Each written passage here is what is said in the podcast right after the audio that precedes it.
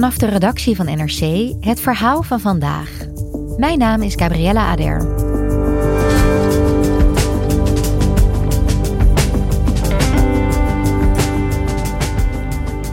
Bij Goede Vrijdag hoort voor veel Nederlanders het luisteren naar de Matthäus Wat sommigen niet weten, is dat deze passie een voorganger heeft: de Johannespassion.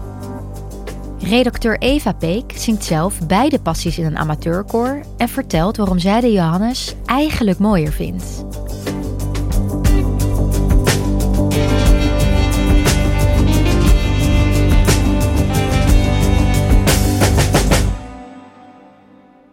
Je moet je voorstellen, je zit in een kerk en het is een beetje donker en het is stil. En dan opeens hoor je de puls van een bas.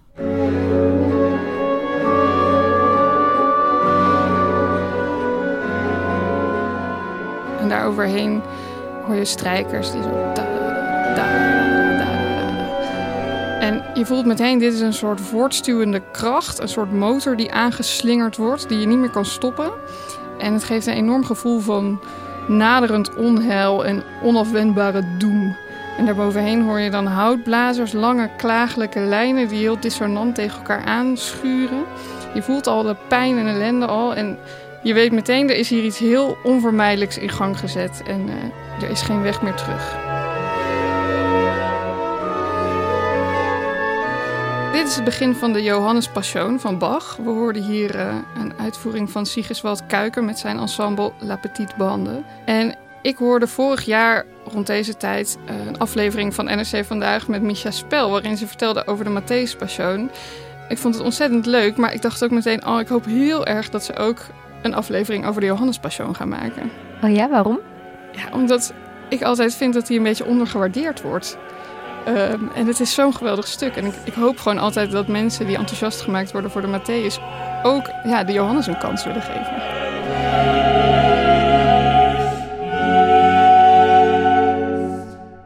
Nou, je zorgt er in ieder geval voor dat uh, de luisteraars van NRC vandaag, vandaag ook de Johannes Passion luisteren. Maar waar komt jouw enthousiasme eigenlijk vandaan? Ja, ik dacht zelf eigenlijk altijd vroeger als kind dat de Johannes het grote stuk was en dat de Matthäus daar maar een beetje uh, bij hing. En dat kwam omdat ik in een uh, kerkkoor zong, waarin we het ene jaar de Matthäus zongen en het andere jaar de Johannes. En in de Johannes hadden we als kinderkoor veel meer te doen. En mensen die het stuk kennen, die zullen denken, dat kan helemaal niet, want er zit helemaal geen kinderkoor in de Johannes. En dat klopt, maar wij, daarom mochten wij van de kantor alle koralen meezingen. En ik zing nu weer in een uh, amateurkoor.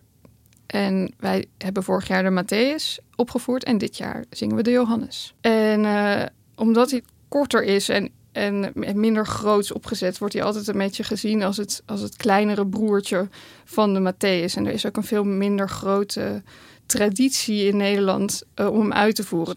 Maar de Johannes was de eerste passie die Bach maakte in uh, 1724. In uh, Leipzig, in een Nicolaikirche, ging die in première als het ware. Hij was net het jaar daarvoor kantor geworden. Dus hij was verantwoordelijk voor de muziek bij de kerkdiensten. En hij schreef dus uh, ja, muziekstukken die dan uh, in de kerk werden gespeeld. En uh, ook voor Goede Vrijdag heeft hij een stuk geschreven. En ik denk zelf dat voor wie de eerste keer naar zo'n passie wil gaan luisteren, dat de Johannes Passion eigenlijk geschikter is dan de Matthäus. Want hij is veel korter, hij is maar één uur en drie kwartier ongeveer. Hij is veel dramatischer, er zit veel meer actie in.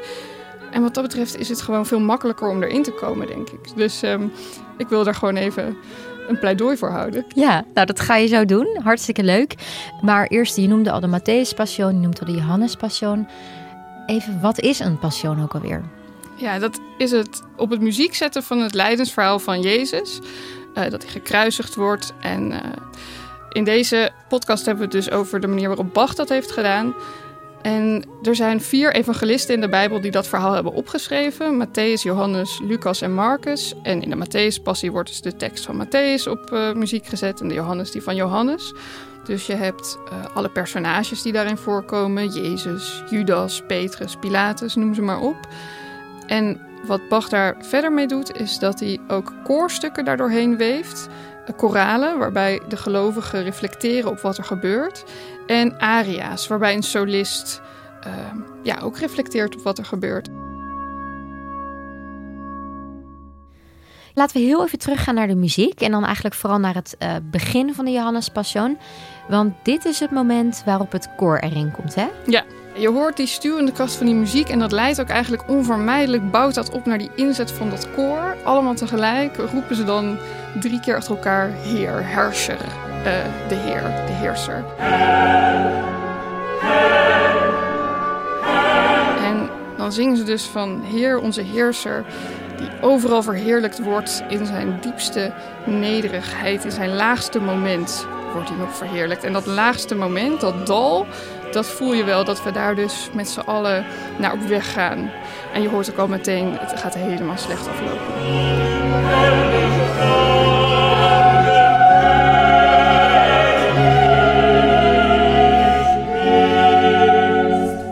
En uh, wat mij wel opvalt met het beginkoor, als je het vergelijkt met de Matthäus, is dat dus dit veel uh, hiërarchischer is of eigenlijk uh, majesteitelijker. En dat past ook heel erg bij hoe de Johannes anders is dan de Matthäus. Want bij de Matthäus gaat het veel meer over dat klagelijke, ja, meewenen eigenlijk.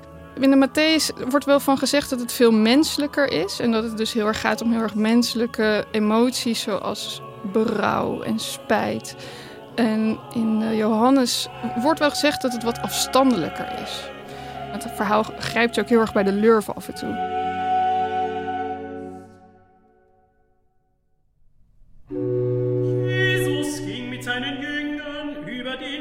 Ja, je valt hier dus meteen aan het begin, uh, in, meteen in de actie eigenlijk. Jezus die gaat met zijn discipelen naar een tuin.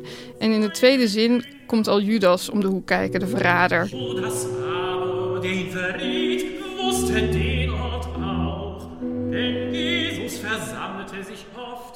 Hier hoor je dus uh, eigenlijk simpelweg de evangelist die het vertelt. En je hebt hier de akkoorden van de basso continuo die het begeleidt. En dat is heel ja, afgeslankt eigenlijk. Je hoort helemaal niet het hele ensemble.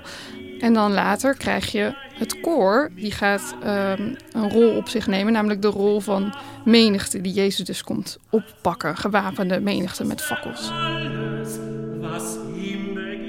En Jezus vraagt aan deze groep mensen: wie zoeken jullie? En zij zeggen: wij zoeken Jezus van Nazareth. Ze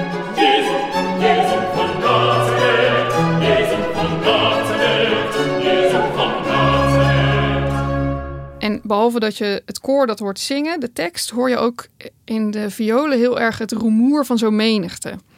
En dan zegt Jezus: Ik ben het. En je hoort ook al aan hoe hij het zingt. Hij is helemaal niet in paniek of verbaasd over wat er gebeurt. Hij heeft alles heel erg in de hand. En dat is ook een beetje een verschil met de Matthäus. Dat Jezus is veel koninklijker en heeft geen twijfel. Weet precies wat er gaat gebeuren. Hij is echt een soort ja, supermens hier. En hij is nergens van onder de indruk. Door te zeggen, ik ben het, openbaart hij zichzelf en tekent hij eigenlijk een beetje al zijn doodsvonnis. Ja, en daar is hij ook helemaal uh, het mee eens. Want hij weet gewoon dat dit moet gebeuren. En dat gaat hij ook, uh, ziet hij met opgeheven hoofd tegemoet. Ik heb euch gezegd dat ik sei. Suchet ihr denn mich, so lasset diese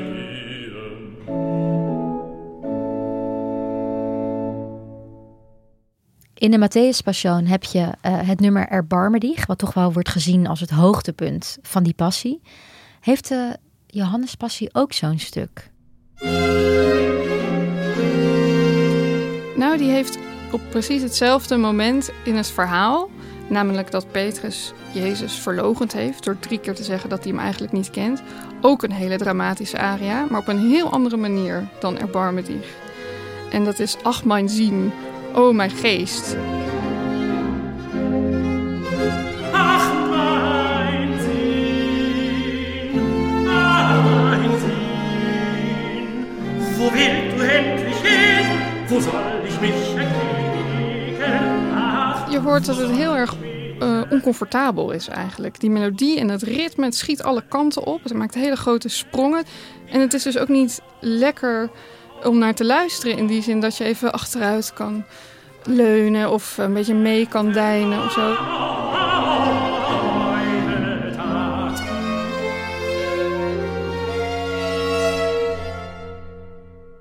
Ja, mooi. Dit, uh, dit is een aria. En net als bij de Johannes spelen die ook een grote rol.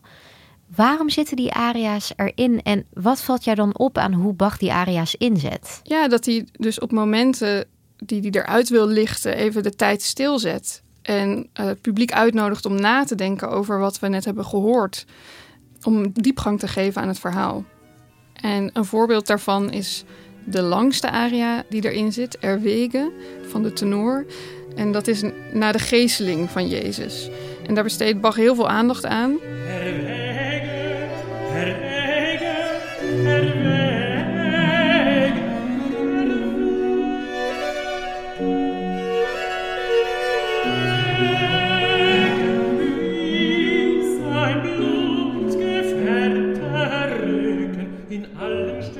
En het bijzondere aan die aria vind ik dat het eigenlijk ja, een vreselijk plastische tekst is. En uh, ja, niet iets waar veel mensen zich snel in zouden kunnen vinden, denk ik. Van een bebloede, gegezelde rug. En dan moet je daar de kleuren van de regenboog in zien. Het is best wel gruwelijk en nou ja, voor de moderne luisteraar ook heel vreemd.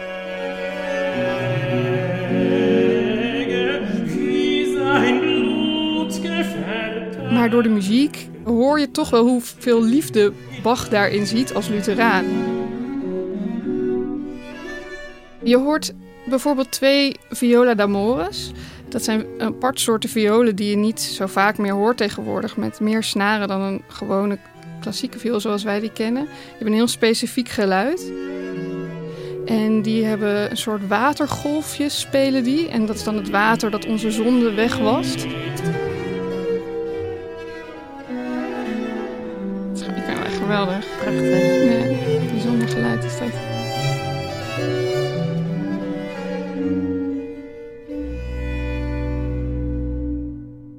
En die thematiek, dat dat lijden dus ergens goed voor is, dat is echt, vormt het hart van deze passie. En dat zie je ook in het koraal, dat precies in het midden van de passie zit. Het hartstuk, het hertstuk wordt dat wel genoemd. En dat is het koraal Durch dein Gefängnis. En dan zingt het koor, door uw gevangenis zijn wij vrij.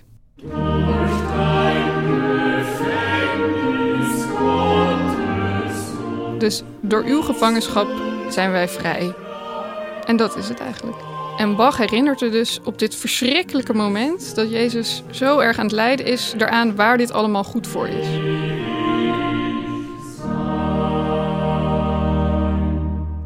Ja, en dan? Hij is gevangen genomen, hij is gegezeld. En hoe gaat de Johannes Passion dan verder? Ja, want hij is dus gegezeld terwijl hij bij Pontius Pilatus is, waar hij naartoe is gebracht omdat het volk hem ter dood gebracht wil hebben. Maar hij is nog niet veroordeeld, want Pilatus probeert er eigenlijk onderuit te komen. Hij wil eigenlijk Jezus vrijlaten, maar het volk wil dat hij gekruisigd wordt. Dus dan krijg je een soort heen en weer van ja, een onderhandeling daarover, waarbij de gemoederen best wel hoog oplopen. Ja, want even voor degene die uh, het verhaal niet kennen, Pontius Pilatus, dat was een Romein die op dat moment ging over het straffen van gevangenen.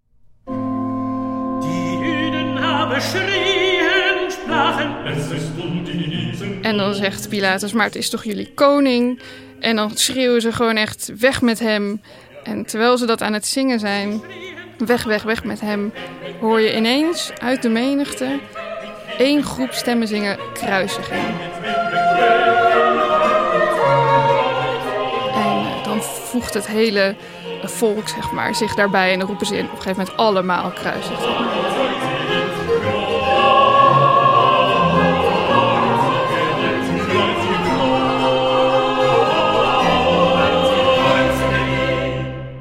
En dit soort koortjes die, die staan ook wel bekend als schreeuwkoortjes. En daar zitten er heel veel van in de Johannes, oneerbiedig gezegd, hè, schreeuwkoortjes. En dat is ontzettend leuk om te zingen, want er zit heel veel ja, woede en uh, ja, passie in. Het klinkt heel energiek wel. Het is heel energiek. Maar er zit wel, moet ik bijzeggen, ook een iets minder leuke kant aan zoals je misschien al hebt gehoord, zingt de evangelist hier die Juden aber schrien. En het gaat dus de hele tijd over de Joden. De Joden zouden dan het volk zijn. Ja, de Joden die Jezus dus dood willen hebben. En eh, ik heb eigenlijk nog nooit een programma toelichting over de Johannes gelezen waarin niet ook wordt benoemd dat dat dus ook best wel antisemitisch opgevat kan worden. De Joden zijn hier wel echt één groep en die willen Jezus allemaal heel graag dood. En, en dat wordt ook wel gezien als een voorbeeld van antisemitisme in het christendom.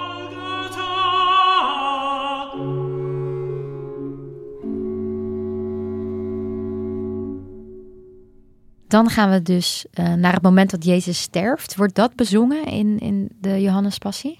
Ja, zeker. Dus op een gegeven moment kom je bij dat dramatische punt. Jezus heeft gezegd: Het is volbracht. En dan buigt hij zijn hoofd en dan sterft hij. Und neiget das Haupt und verschiet.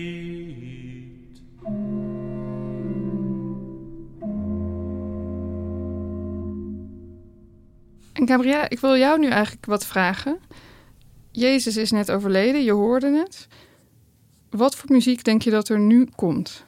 Ik ken de Matthäus dus wel goed. En ik zou meer denken dat nu toch het verdriet van de mensen om hem heen wordt gezongen. Ja, dat zou ik ook verwachten. Je verwacht nu dat er iets heel erg droevigs komt. Maar dan hoor je als je in de kerk zit dus dit.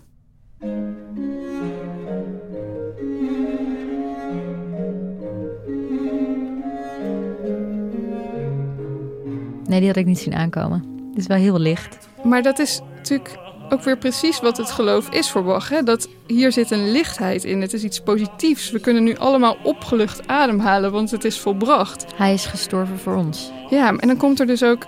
Ja, ik vind het een heel bevreemdende tekst eigenlijk. En dan zingt de bas dus... Ehm, mijn lieve heiland, mag ik even vragen of het klopt dat nu u zo gestorven bent en ook zelf gezegd hebt dat het allemaal volbracht is, of het dan klopt dat ik nu van sterven ben vrijgemaakt. Bin ich vom Sterben vrijgemaakt? Bin ich vom Sterben... Wat je hier heel erg in hoort is het transactionele van het lijden van Jezus. Het is niet dat die bas zingt van oh Jezus wat verschrikkelijk voor u dat u nu uh, gestorven bent, maar het is mag ik even vragen uh, kan ik nu naar de hemel? Het is eigenlijk heel erg gevoelloos en heel erg ja, zakelijk bijna. Ja, how can I make it about me ook een beetje. Ja, precies. Precies dat eigenlijk. En om dat ja, toch een beetje minder naar te maken, heb je wel echt die muziek nodig.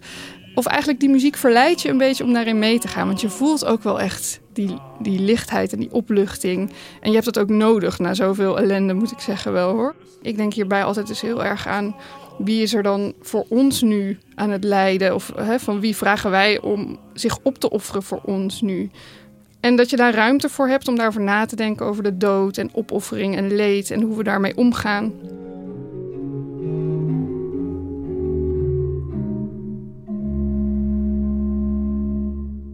En dat hoopvolle, die lichtheid, dat komt voor mij nog het meest tot uiting eigenlijk in het aller, allerlaatste koraal. Dat maakt ook voor mij de Johannes echt helemaal compleet. En dan heb je een heel zwaar slotkoor gehad, waarbij het hele koor zingt rust zacht tegen Jezus. En dan hoor je ineens een koraal. En het is zo simpel en zo lief en naïef. Want het gaat over dat als jij zelf doodgaat, dat een engeltje je dan naar een slaapkamertje brengt. Waar je dan tot in het lengte van dagen mag uh, uitrusten bij God.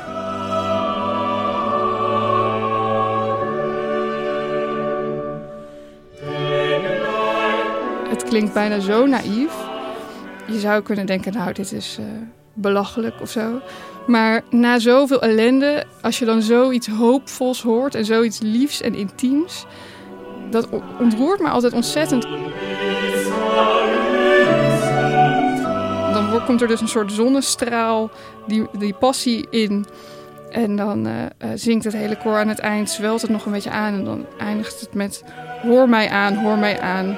Ik wil u eeuwig lof zingen.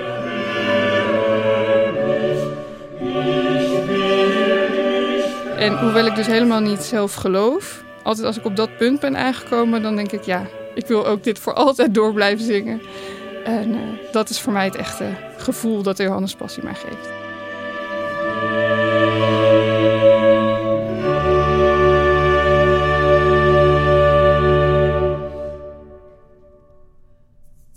Mooi, dankjewel Eva. Graag gedaan.